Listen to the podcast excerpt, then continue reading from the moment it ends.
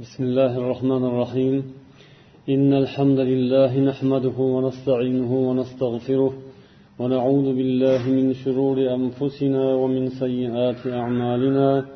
من يهده الله فلا مضل له ومن يضلل فلا هادي له. وأشهد أن لا إله إلا الله وحده لا شريك له. وأشهد أن محمدا عبده ورسوله وبعد. Aziz birodarlar hurmatli opalar singillar assalomu alaykum va rahmatullohi va barakatuh. Alloh taologa hamdu sanolar bilan bugungi axloq mavzusidagi suhbatimizni boshlaymiz. Bugun inshaalloh sizlar bilan inson bolasi uchun ziynat bo'lgan shunday bir xislat haqida gaplashamizki bu sifat qaysi bir insonga agar nasib bo'lgan bo'lsa u nihoyatda baxtli inson bo'ladi. Mana shunday sifat bilan ziynatlangan insonlar payg'ambarlardan bir pog'ona pastda turadilar. Bu sifat haqida ulamolarni yozgan mana bu so'zlarini eslab o'taylik. Shunda sizlar inshaalloh gap nimada ekanini bilib olasizlar.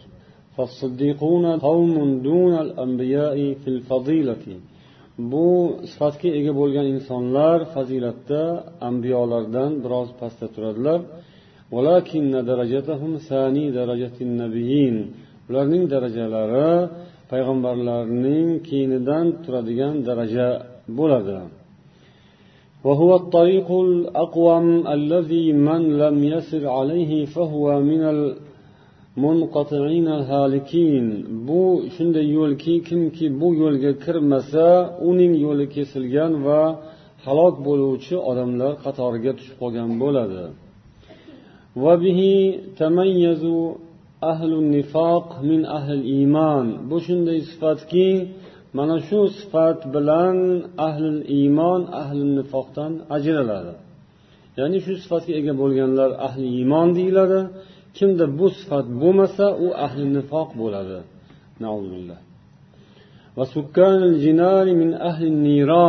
Bu shunday sifatki jannat ahllari bilan do'zax ahllarini ajratib beradi.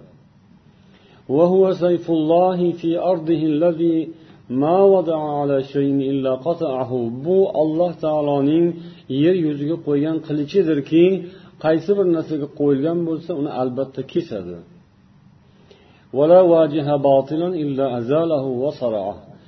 Biror bir o'rinda botilga ro'baro keladigan bo'lsa albatta uni yiqadi uni yengadi.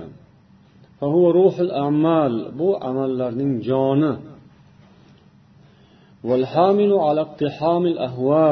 bu dahshatlarni ustiga bostirib borishga sabab bo'ladigan undaydigan sifat. Ya'ni dahshatlar halokatlarni ustiga yurib borishini bostirib kirib borishiga sabab bo'luvchi shunga insonni undovchi shunga muvaffaq qiluvchi bir sifat والباب الذي دخل منه الواصلون إلى حضرة ذي الجلال bu zuljalol bo'lgan eng ulug' zotning huzuriga yetuvchilar o'tadigan eshik ana shu eshikdan ular kirishadi Mana bu tarifni basairu kitobida uchinchi mujalladda keltirgan ekanlar. Buni mana mualliflari shuni bu yerda iqtibos qilib keltirishgan. Bu nima sifat? Siddiqlik sidq ya'ni rostgo'ylik. Biz buni o'zbek tilida rostgo'ylik deb tarjima qilamiz. Lekin bu olingan kalima va bu so'z sidiq kalimasi. Ya'ni biz uni rostgo'ylik deb tarjima qilayotgan sidiq kalimasining ma'nosiga nazar soladigan bo'lsangiz bizning o'zbek tilimizda ifoda qilinganidan ancha keng ma'nolar borligini ko'rasiz va buni biz o'zbek tilida bitta so'z bilan ifoda qila olmaymiz. Shartli ravishda rostgo'ylik deb aytamiz. Lekin shu rostgo'ylik degan so'z o'zi bu forscha so'z. O'zbek tiliga kirgan. Buning shunday iborasidan ko'rinib turibdiki rost degani to'g'ri haq degani go'y degani bu go'ftan degan fe'ldan olingan gapirish degani ya'ni rost gapiradigan odam degani rostgo'y degani rost gapiradigan odam degani. Bu bir jihatdan torga o'xshab qoladi ya'ni faqat so'zgagina taalluqli sifatga o'xshab qoladi. Lekin agar shu so'zning o'ziga ham chuqurroq nazar soladigan bo'lsangiz u ham ancha chuqur ildizlarga ketayotganini ilg'asa bo'ladi. Endi buni biz hozir arab tilidagi lug'aviy va istilohiy ma'nolarga to'xtalamiz. Agar biz e, buni lug'aviy ma'nosiga qaraydigan bo'lsak haqiqatdan u e, istilohiy ma'nosiga ham bog'liq va bizning tilimizdagi rostgo'ylik degan kalima ham e, ko'rinishidan shunday bir zohirdan torroq bo'lib tuyulsa ham lekin aql yuritgan odam o'ylab ko'rgan odam buning ma'nosi chuqur e, bundan ham bir chuqur ma'nolar ilg'asa olsa bo'lishini inson ko'radi.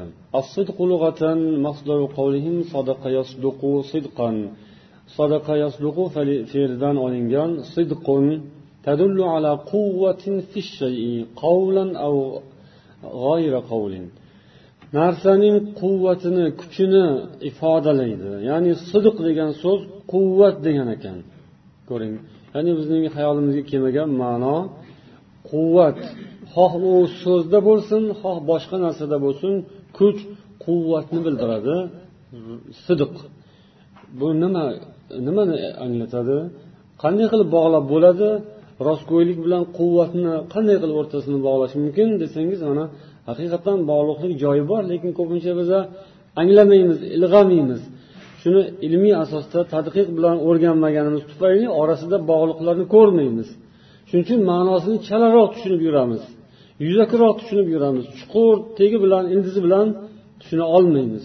Shuning uchun ham inson ilm o'qish kerak va ilmiy asosda o'rganish kerak. Haqiqatlarni kitoblar asosida o'rganish lozim bo'ladi. Bu sidiq kazibning teskarisi ya'ni kazib yolg'on. Sidiq rost. Rost yolg'onning teskarisi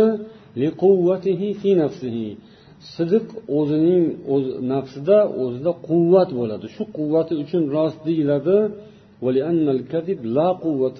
Yolg'onga yolg'onni hech qanday quvvati yo'q. Yolg'onda kuch bo'lmaydi. Yolg'onda quvvat bo'lmaydi. Rostda esa quvvat bo'ladi. Rost doim turadi. U yo'qolmaydi u yiqilmaydi u yengilmaydi. Yengiladigan yiqiladigan yo'qoladigan nima u? Yolg'on. U nima uchun yiqiladi yo'qoladi yengiladi? Chunki uni kuchi yo'q puch asosi yo'q.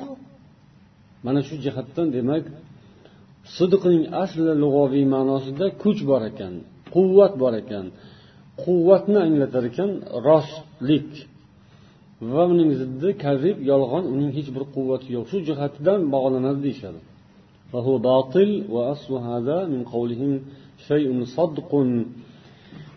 buning ana iboralarda keladi shayun sodqun deb arablarning lafzida sodiq narsa desa ya'ni qattiq narsa degani bo'lar ekan ay shayun sulbun qattiq narsani sodiq deyiladi va rostlik shundan olingan وقال الراغب الصدق والكذب أصلهما في القول ماضيا كان أو مستقبلا sidiq degani yoki kazib degani sidiq rostlik rost kazib yolg'on bularning asli so'zda bo'ladi ho u o'tgan zamon ho kelasi zamon bo'lsin so'zda bo'ladi so'zni ifodalanadi xoh u va'da bo'lsin yoki boshqa narsa bo'lsin va bu xabar darak gaplarda darak ma'nosidagi so'zlarda bo'ladi deydilar Ya'ni bu jihatdan olib qaraganingizda rostlikning boshlanishi so'zda ko'rinar ekan. Ko'rinadigan zohir bo'ladigan o'rni demak so'z ko'proq so'zga bog'liq narsa ya'ni rost deganda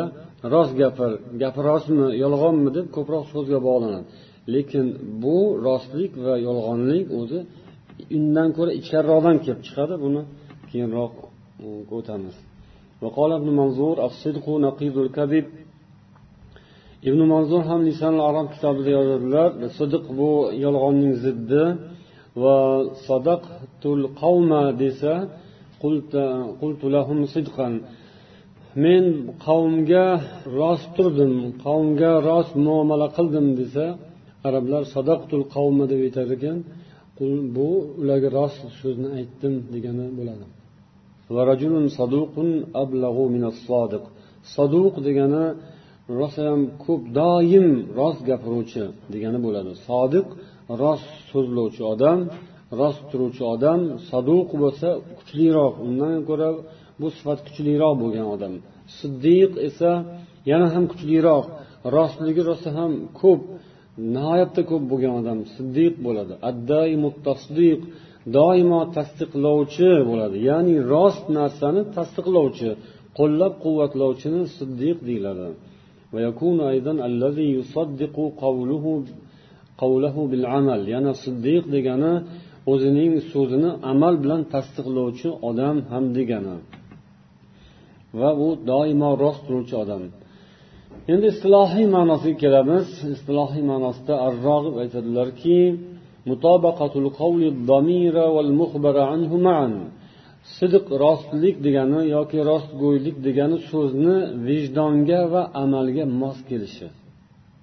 Mana mana shunday istilohiy ilmiy ta'riflarni bilib olishimiz kerak. O'zimizcha rostgo'ylik nima desa darrov ta'rif beramiz. Rostgo'ylik undoq degani bundoq degani deb. Lekin shu so'zimiz to'liqmi yoki chalami bilmaymiz. Agar biz buni mana ulamolarning ta'riflariga qadim olimlarning ta'riflariga nazar solsak shunga moslab gapirsak keyin biz to'g'ri gapirgan bo'lamiz. Keyin biz rost gapirgan bo'lamiz. Ana rostlik ham shu yerda. Biza o'qimasdan kitobga murojaat qilmasdan asosiga solishtirmasdan gapiraversak demak biz rost gapirmagan bo'lib qolamiz. Rostgo'ylik rostlik shu o'rinda ham o'zini ahamiyatini ko'rsatadi. Rog'ib aytyaptilarki rost degani nima degani? Rost degani biz o'zimiz har xil ta'rif berishimiz mumkin lekin bu yerdagi ta'rifni qarang. Rostlik degani vijdon va o'sha xabar berilayotgan narsaga so'zning mos kelishi. Ikkita narsaga barobar teng to'g'ri tushish kerak. Gapirilayotgan gap ikkita narsaga mos kelishi kerak. O'sha ikki narsaning biri nima ekan? Vijdon. Insonning vijdoni. Qalbi. Ikkinchisi xabar berilayotgan narsa. Bir narsa haqida xabar berilyapti. Odam xabar beruvchi odam gapiruvchi odam u yoki rost yo yolg'on gapirishi mumkin. Gapirayotgan gapi avvalo o'zini vijdoniga qalbiga to'g'ri kelishi kerak. Ikkinchi u xabar berilayotgan narsaga to'g'ri kelishi kerak. Ya'ni mani qo'limdagi narsa nima? Qo'limdagi narsa qalam. Bu u haqida xabar berilayotgan narsa al muhbar anhu deyiladi. Xabar berilayotgan narsa xabar berayotgan man. Bu so'zim bu so'zim rost bo'lishi uchun bunga mos kelishi kerak qalam deganimda haqiqatdan bu qalam bo'lishi kerak va qalam deganim mani qalbimga ham to'g'ri mos kelishi kerak. Bu nima degani?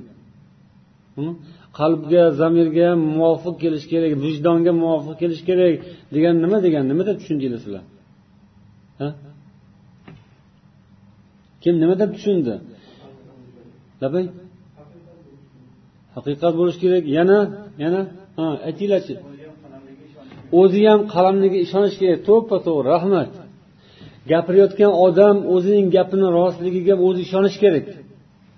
O'zining qalbida vijdonida o'sha narsa to'g'ri bo'lishi kerak.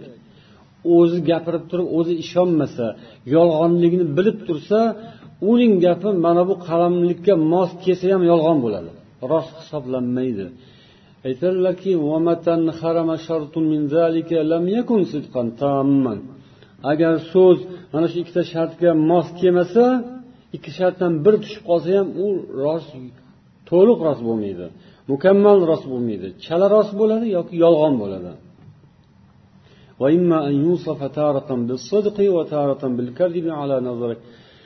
Bu yo yusuf rost deb nomlanishi mumkin shu narsa bittasi tushib qolsa ham ba'zan yolg'on deb nomlanishi mumkin.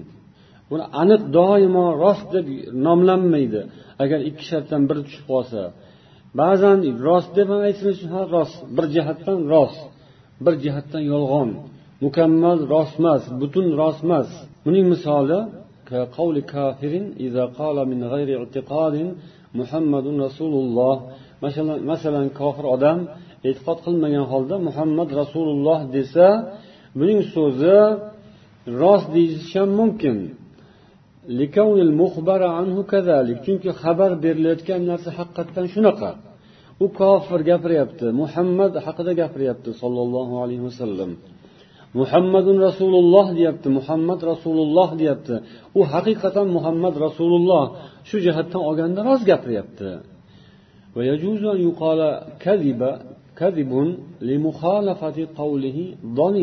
buni yolg'on deyish ham mumkin buning gapi yolg'on deyilishi ham mumkin chunki uning gapi nimaga teskari?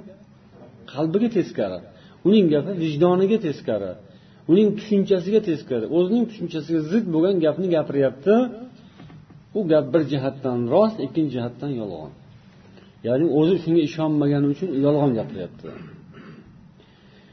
Ikkinchi jihatini allohning kitobida qur'onda ham misoli kelgan. Deb munofiqlar rasululloh sollallohu alayhi vasallam huzurlariga kelib aytishgan. Ya'ni ey e, payg'ambarimizga biz guvohlik beramizki siz albatta ollohning elchisisiz rasulisiz degan. Olloh keyin aytganki olloh o'zi biladi albatta siz ollohning rasulisiz lekin munofiqlar yolg'on gapiryaptilar degan.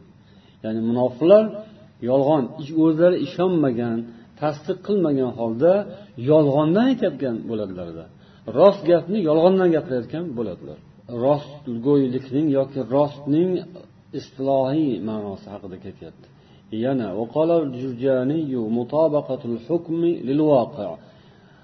har bir olim o'zining ta'rifini bergan yani e'tiborli olimlar va ularning so'zlari to'g'riligi uchun har xil shaklda bo'lsa ham mana yozilgan kitoblarga yozilib bu ilm sifatida qabul qilingan asos sifatida shuni biz olishimiz kerak.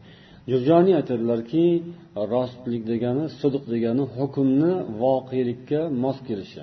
Hukm bir narsaga baho berish yoki hukm qilish o'sha voqelikka ya'ni hayotga mavjudlikka mos kelsa mutobiq kelsa sidiq deyiladi. Yana sidiqning ma'nosida ta'rifida sir bilan aloniyatni barobarligi deyilgan sir yashirin ko'rinmaydigan yashiringan narsa aloniyat zohir bo'lib ko'rinib turgan narsaga mos kelsa o'sha rostlik bo'ladi. Zohir va botin zohiru botinning bir biriga mutobiqligi insonning holati amallarini yolg'onga chiqarmasa ya'ni holati bilan amali bir biriga tushsa. Shunda rost bo'ladi. Endi sidiq bilan ixlosning farqiga nazar solishimiz kerak ekan.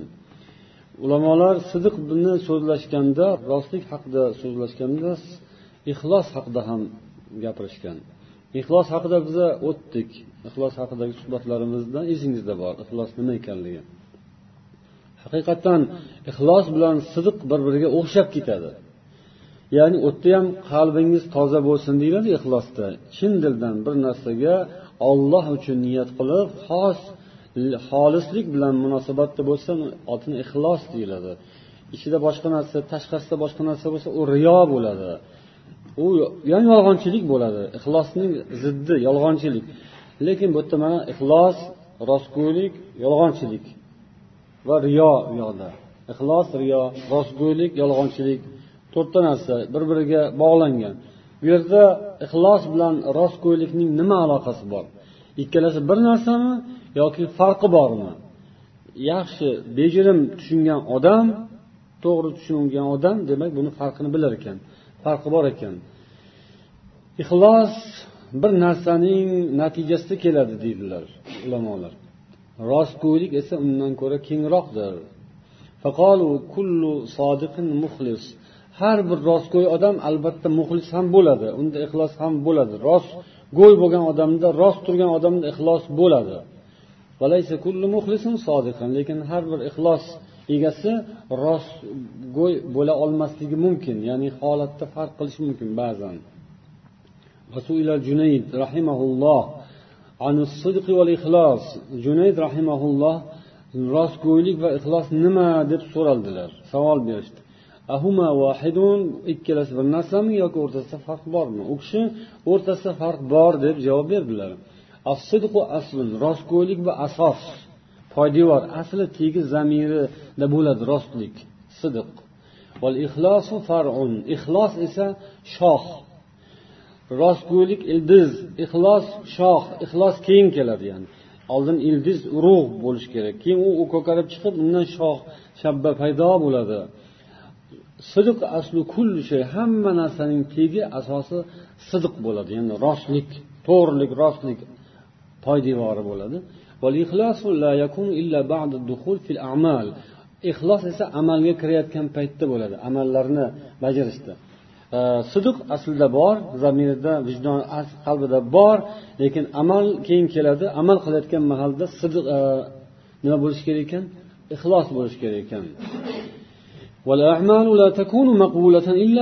amallar mana shu ikkita sifat bilan qabul bo'ladi amallar ya'ni ixlos bilan va sidiq bilan birga qabul bo'ladi وقال القشيري الصدق ألا يكون في أحوالك شوب ولا في اعتقادك ريب ولا في أعمالك عيب bu qushayriyning sidiq bergan ta'riflari holatingda biror bir qo'shimcha bir aralashma bo'lmasligi e'tiqodingda biror bir shubha bo'lmasligi amallaringda ayb bo'lmasligi bu nima ekan? Sidiq rostlik. Ishingizda amallaringizda ayb bo'lmasligi rostlik. Endi sidiqning omillari haqida gapiramiz. Ya'ni rostlik sidiq qayerdan kelib chiqadi?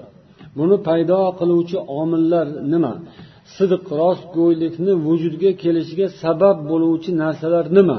bu haqida imom va mavardiy aytadilar sidiq ya'ni sidiqni keltirib chiqaruvchi narsalar quyidagi narsalar birinchisi al aql من حيث كونه موجبا لقبح الكذب aql yolg'onni yomonligini xunukligini biladi shuning uchun aql rostlikni taqozo qiladi rostgo'ylikka intiladi rost bo'lishga buyuradi Demak aqli bor odam rostgo'y bo'ladi.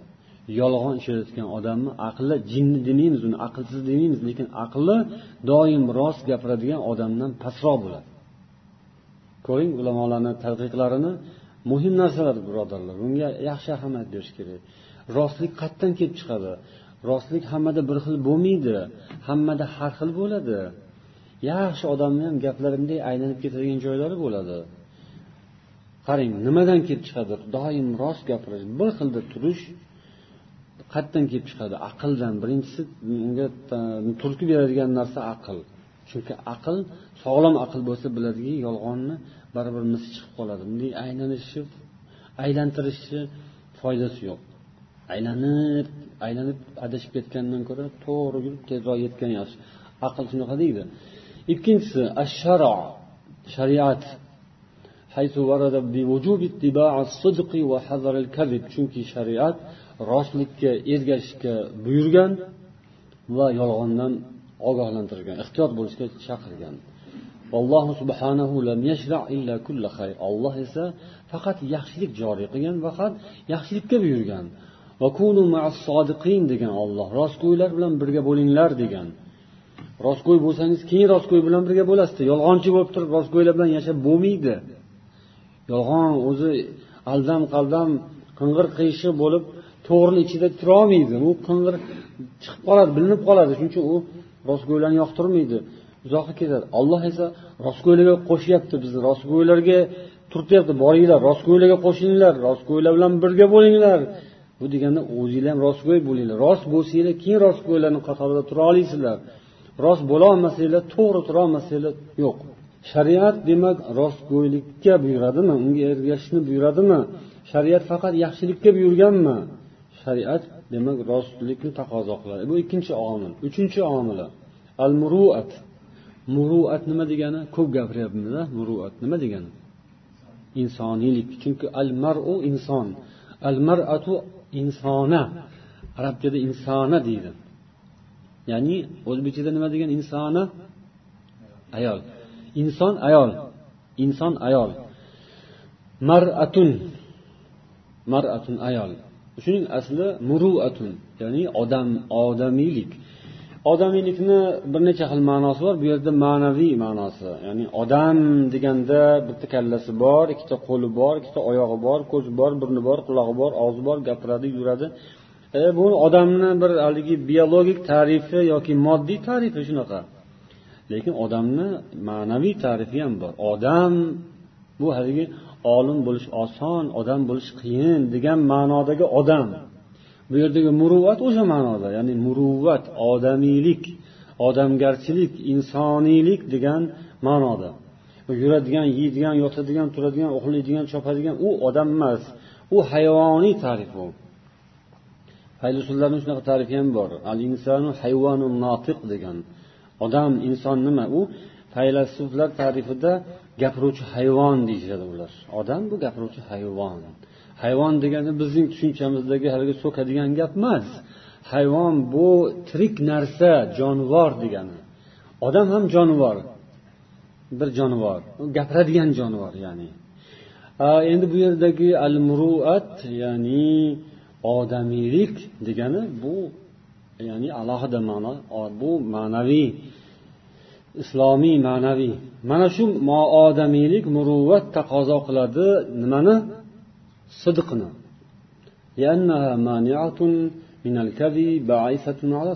Odamiylik yolg'ondan to'sadi insonni va rostlikka turtadi itaradi rostlikka targ'ib qiladi. To'rtinchisi hubbul ishtihar sidq. Odamlarning rostgo'y sifatida nom taratishga bo'lgan ishtiyoqlari muhabbatlari. Insonni rostgo'ylikni yaxshi ko'rishi rostgo'y bo'lib nom taratishni yaxshi ko'rish. Bu odam tabiatda bor narsa ya'ni buni riyo yoki boshqa narsaga bog'lash kerak emas. Hozir bu o'rinda odam yaxshi narsani yaxshi ko'radi ya'ni sog'lom tabiatli odam va yaxshilik bilan nom chiqarishni ham afzal biladi.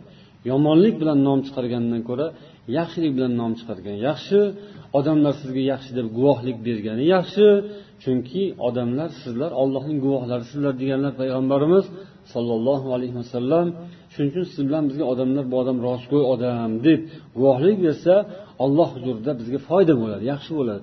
Shuning uchun rostlikni yaxshi ko'rish shunga muhabbat qo'yish rostgo'ylikni keltirib chiqaradi.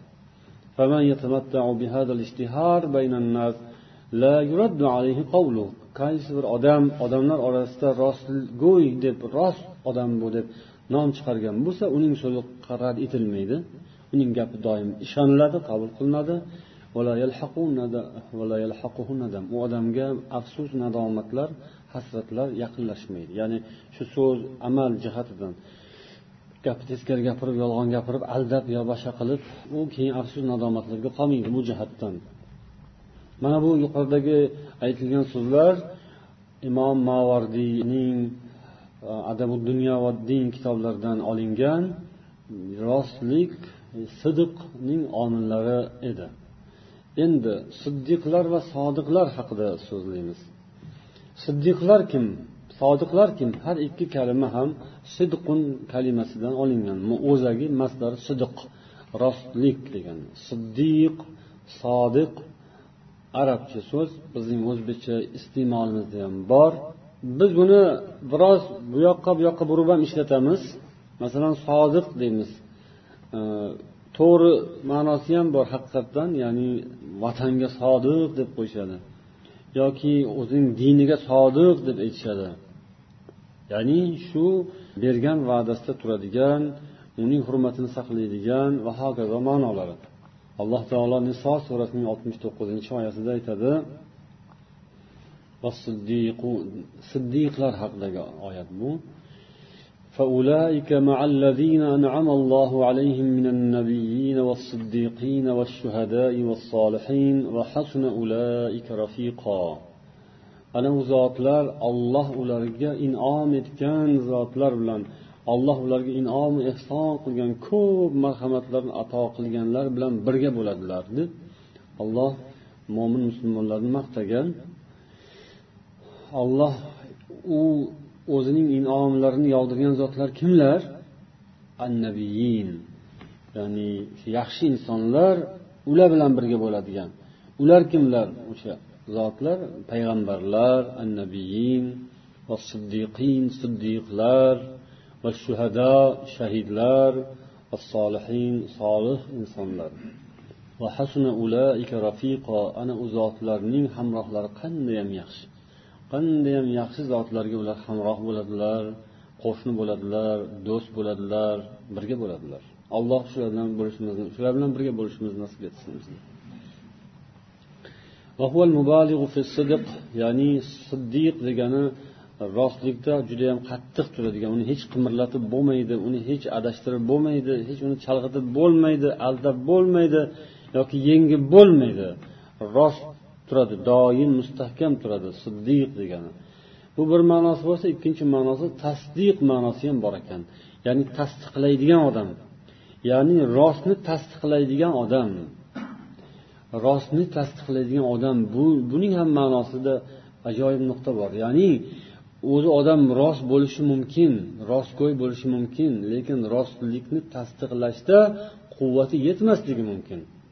Rostgo'ylikni rost narsani tasdiqlash haqiqatni tasdiqlash ya'ni haqni tasdiqlash ham bu katta narsa. Odam o'zi rost bo'lib lekin haqni tasdiqlashga kuchi yetmasdan ojizlik qilib zaiflik qilib qo'rqib yo va hokazo boshqa biron bir sabab bilan siddiq bo'lolmasligi mumkin. Tasdiq qat'iy bir narsani haq narsani qat'iy tasdiqlash ma'nosi ham bor.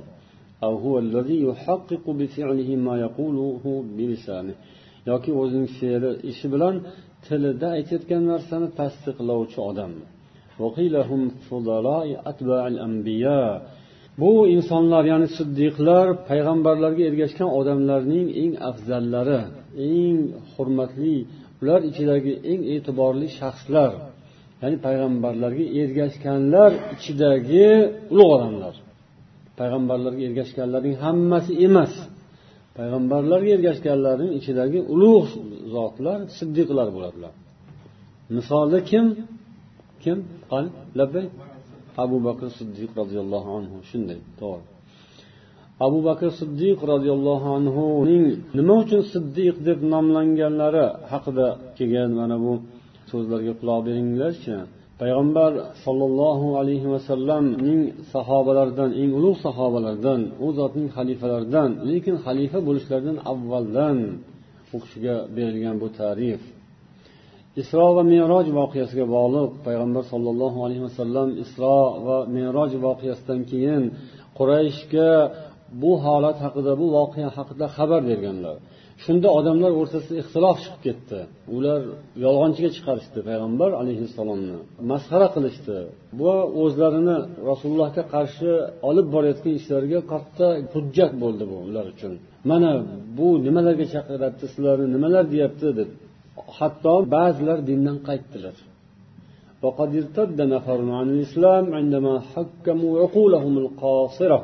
O'zlarining qosir aqllarini hukmron qilganlari uchun dindan qaytdilar. Qosir aql. Inson aqli qosir ya'ni judayam hamma narsaga aql yetmaydi odamni aql yetadiganiga yetadi yetmaydiganiga yo'q deb turaveradi. O'sha kimning aqli kichkina bo'lsa uni ancha muammosi bo'ladi. Bu o'rinda ham rasululloh sollallohu alayhi vasallamning isro va merojlarini rad etdi ba'zi odamlar. Bu aqlga sig'maydi. Bir kechada shu yerdan ya'ni makkadan baytul maqdisga boribdi emish u yerdan osmonga ko'tarilibdi emish bu bo'lishi mumkin bo'lmagan voqea. Bu aqlga sig'maydigan voqea deb ba'zi insonlar o'sha aqlga suyanib qolganlar bu so'zni rad etishdi. Bu haqda imom hokim o'zlarining mustadraklarida rivoyat qiladilar. Ya'ni abu bakr siddiqqa bu xabar yetgan mahalda hech bir shubhalanmasdan ikkilanmasdan o'sha zahoti tasdiq qildilar. To'ppa to'g'ri to'g'ri bu narsa bo'lgan narsa haq narsa. Agar shuni muhammad aytgan bo'lsa to'g'ri aytibdi dedilar. Kim aytdi buni ya'ni? Kim aytdi? Muhammad. Muhammad aytgan bo'lsa to'g'ri. Hech bir o'ylab ham o'tirmadilar ikkilanmadilar. Muhammadni to'g'ri aytgan bo'ladi hayron qolishdi odamlar.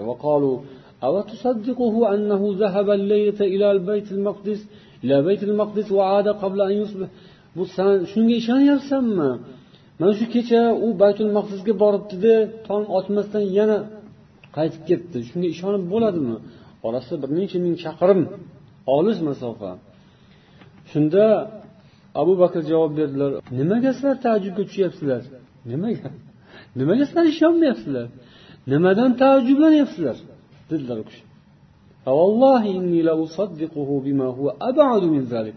allohga qasamki man bundan ham ko'ra g'aroyibroq bundan ham ko'ra boshqacharoq so'z aytsa ham man ishonaman. Man tasdiqlayman u odamni. Dedilar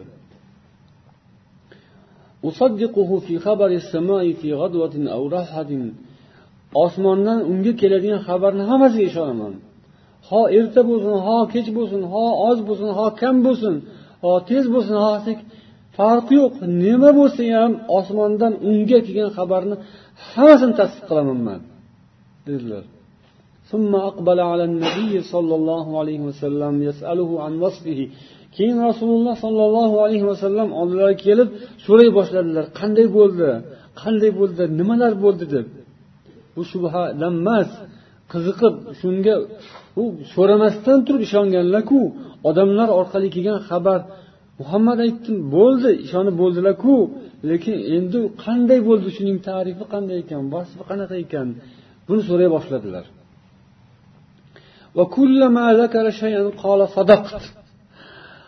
Har so'zlarini orasida to'g'ri deb turdilar. To'g'ri deb turdilar. Subhanalloh. Sadaqda ashhadu annaka rasululloh deb turibdilar man guvohlik beraman siz ollohning payg'ambarisiz siz rasulullohsiz subhanalloh mashaalloh mana iymon mana tasdiq فقال النبي صلى الله عليه وسلم وأنت يا أبو بكر الصديق abu bakr sen esa siddiqsan u kishi rasulullohga qarab yo rasululloh shu gapni aytyapsiz siz haqiqatan ham rasulullohsiz Rasululloh sen haqiqatan ham siddiqsan. Ey abu bakr dedilar al mustadrak mana azizlar tasdiq deganning qimmati bor qadri bor bahosi bor. Bu tasdiq ulug' narsa. Rostgo'ylik qanday ulug' qanday nodir noyob qanday qimmatbaho aziz xislat bo'lsa tasdiq ham ana o'shanday aziz noyob xislat. Tasdiqni tanigan odam qiladida haqni tanigan odam. Zar qadrini zargar bilur deb qo'yadilar birodar. Hmm, zarni zargar taniydi ya'ni qadrini biladigan odam biladi tanigan odam. Haqni ham tanigan odam tasdiqlaydi. Hamma tasdiqlayvermaydi haqni. Tasdiqlash uchun ishonish kerak uning uchun qalb ochiq bo'lishi kerak. Qalb toza bo'lishi kerak. Olloh toza qalbga beradi iymonni. U iymon uni tasdiqlatadi. Iymon ko'zga ko'rinmaydigan narsaga ishontiradi. Biz shu bilan sanalamiz. Ko'zi ko'rsatib qo'ysa hamma mo'min bo'lib ketardi. Bironta mukofir bironta munofiq qolmasdi. Hamma ishonib ketardi. Ollohni borligiga islomni haqligiga. Olloh ataylabdan ko'zga ko'rintirmasdan bekitib qo'ygan parda tortib qo'ygan qani ishonib ko'ringlarchi. Kim ishona olmaydi? Ko'rsatmayman jannatni ko'rsatmayman do'zaxni ko'rsatmayman qiyomatni ko'rsatmayman lekin bo'ladi deb xabar beradi olloh bo'ladi. Qani ishonasizlarmi? Ishona olasizlarmi qalbingizga tushadimi? Tasdiq qila olasizmi? Marhamat. Xohlasangiz tasdiq qiling. Xohlamasangiz tasdiq qilmang. U ham o'zingizga bu ham o'zingizga bo'ladi. Natijasi kimning qalbi toza bo'lsa aqli tiniq bo'lsa aqli komil bo'lsa yetuk bo'lsa odam tushunadi. Rost bilan yolg'onni ajratadi. Avvalo o'zi rost bilan yolg'onni o'zi ya'ni ajralib oladi rost tomonga o'tib oladi. Bo'lib oladi. Ana undan keyin tasdiqlaydigan bo'ladi. Rostni tasdiqlaydigan rostga mahkam yopishadigan haqni ushlab unga yordam beradigan bo'ladi. Keyin u inshaalloh siddiqlar qatoriga o'tadi va o'sha payg'ambarlarga ergashgan odamlarning ichidagi yaxshisiga aylanadi. Siddiq shu ekan. Alloh barchamizga shunday sifatlarni chiroyli ko'rsatsin ilohim. Va shunday sifatlarga intiladigan qilib qo'ysin ilohim. Shunday sifatlarga ilinib oladigan bir chetiga bo'lsa ham ilinib oladigan qilib qo'ysin. Allohdan so'raylik. Alloh o'zi qodir zot alloh ulug' zot. allohdan so'raymiz barchamizni rostgo'y insonlardan bo'lishimizni o'zi nasib etsin سبحانك اللهم وبحمدك أشهد أن لا إله إلا أنت أستغفرك وأتوب إليك السلام عليكم ورحمة الله وبركاته